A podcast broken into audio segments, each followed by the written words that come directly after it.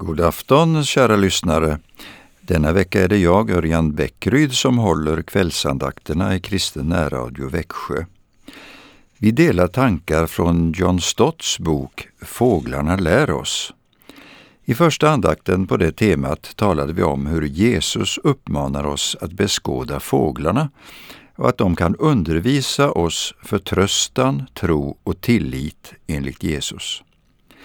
Idag ska vi från bibeltexter, bland annat från profeten Jeremia i Bibeln, lyssna till undervisningen om att vända tillbaka. Att genom bot och bättring söka Gud igen när vi varit borta från hans närhet. Flyttfåglarna som flyger iväg på hösten kommer alltid tillbaka följande vårtid. De första orden vi finner från Jesu undervisning direkt efter hans dop är Tiden har nu kommit då Guds rike är nära.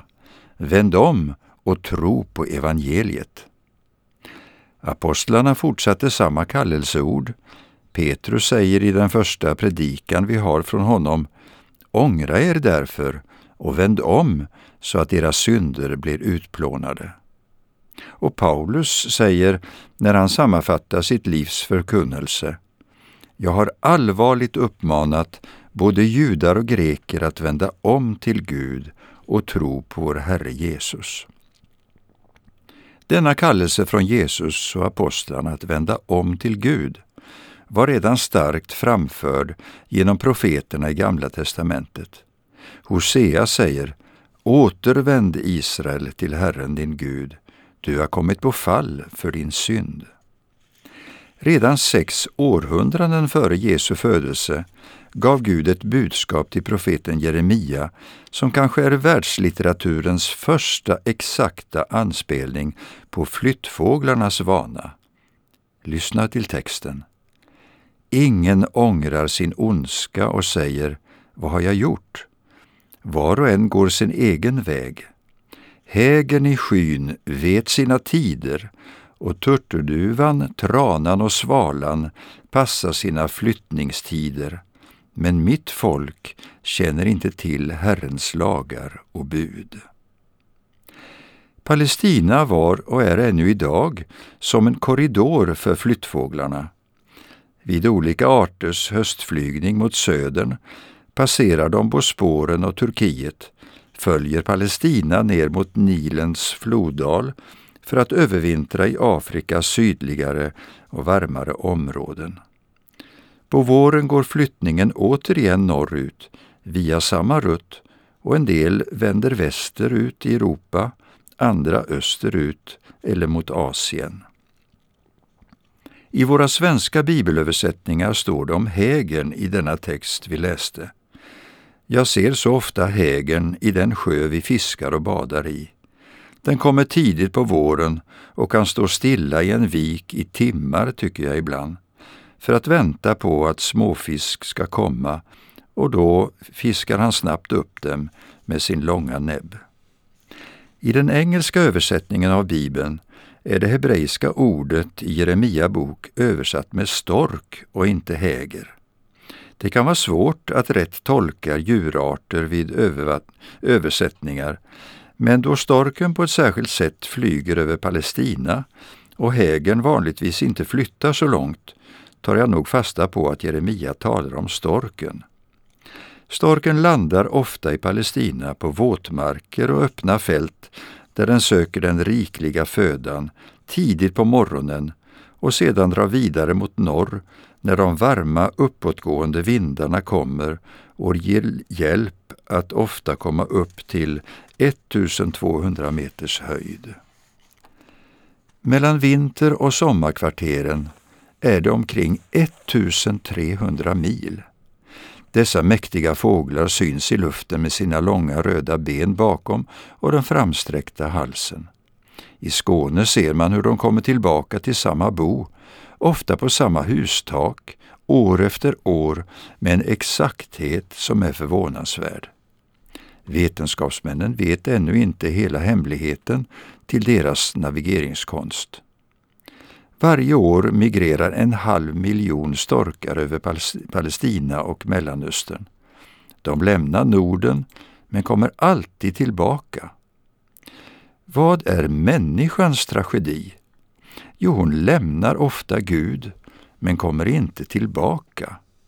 Det är detta Bibelns ord säger oss hos profeten Jeremia och jag läser om texten.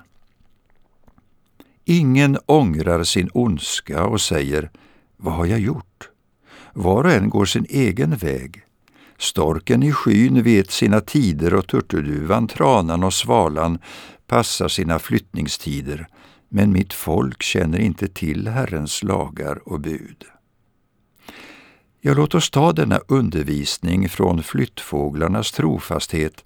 Särskilt ser vi ju här i Sverige tranornas stora skara som blir allt fler och fler och ljudligt flyger förbi oss uppe i skyn. Texten säger att fåglarna passar sina flyttningstider och sin återkomst. Det fåglarna gör med sin instinkt och deras outforskade navigeringskonst bör vi göra genom ett frivilligt och klart beslut att vända om från våra egocentriska handlingar till vår levande Gud, vår skapare. Även om omvändelsen till tro på Gud gör oss till en ny skapelse, det gamla är bakom, något nytt har kommit, sa Paulus, så får vi inte tro att vi inte har behov att komma tillbaka till Guds närhet när vi fläckas ner av synden och behöver rening. Vi läser vidare i Jeremia bok. Så säger Herren, när någon faller, reser han sig då inte upp igen? När någon hamnar på fel väg, vänder han då inte tillbaka?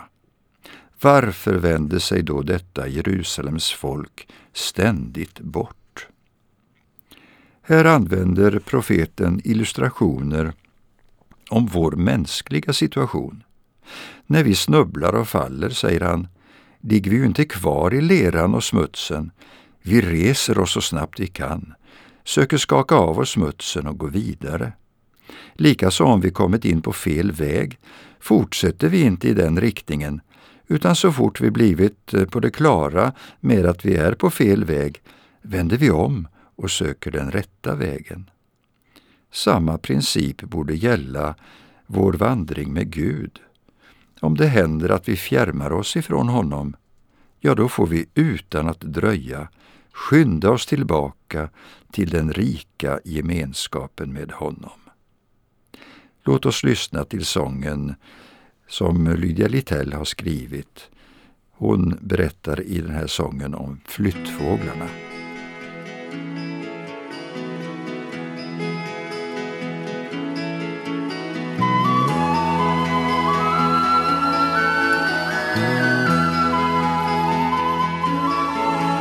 När sommar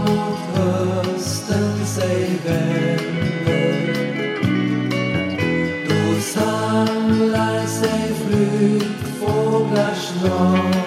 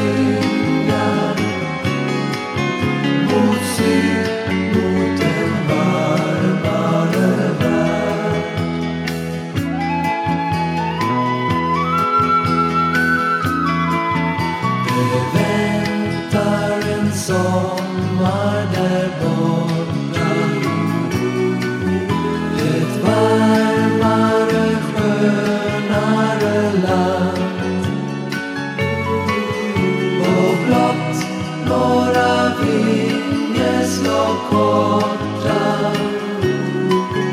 Då ser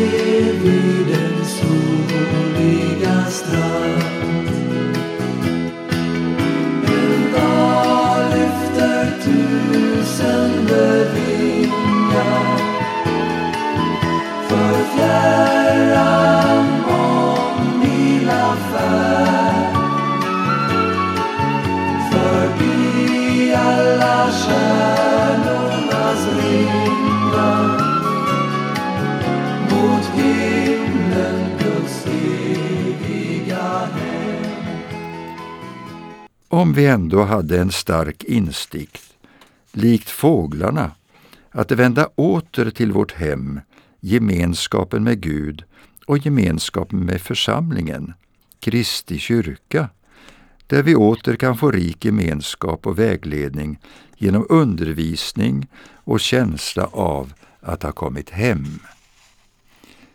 Gud välsigne dig att få uppleva gudsgemenskapen på nytt om du har förlorat den. Om vi som är glada och tacksamma över Guds nåd över våra liv, ja, om vi ännu mer skulle hålla fast vid denna varma och innerliga gemenskap som Jesus vill ge oss varje dag. Låt oss bedja.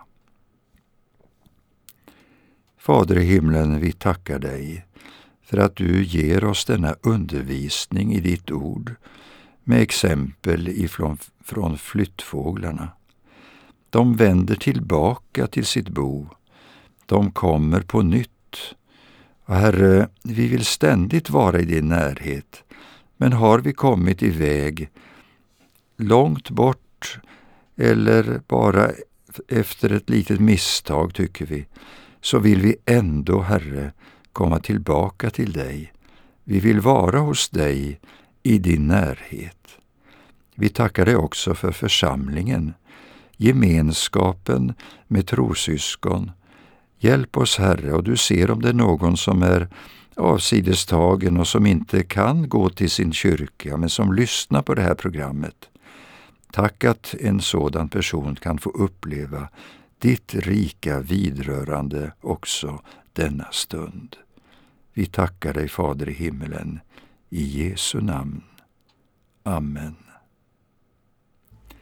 Vi avslutar med att lyssna till Ronny Rondale, visselkonstnären och fågelhärmaren, som här tolkar sången i en klosterträdgård.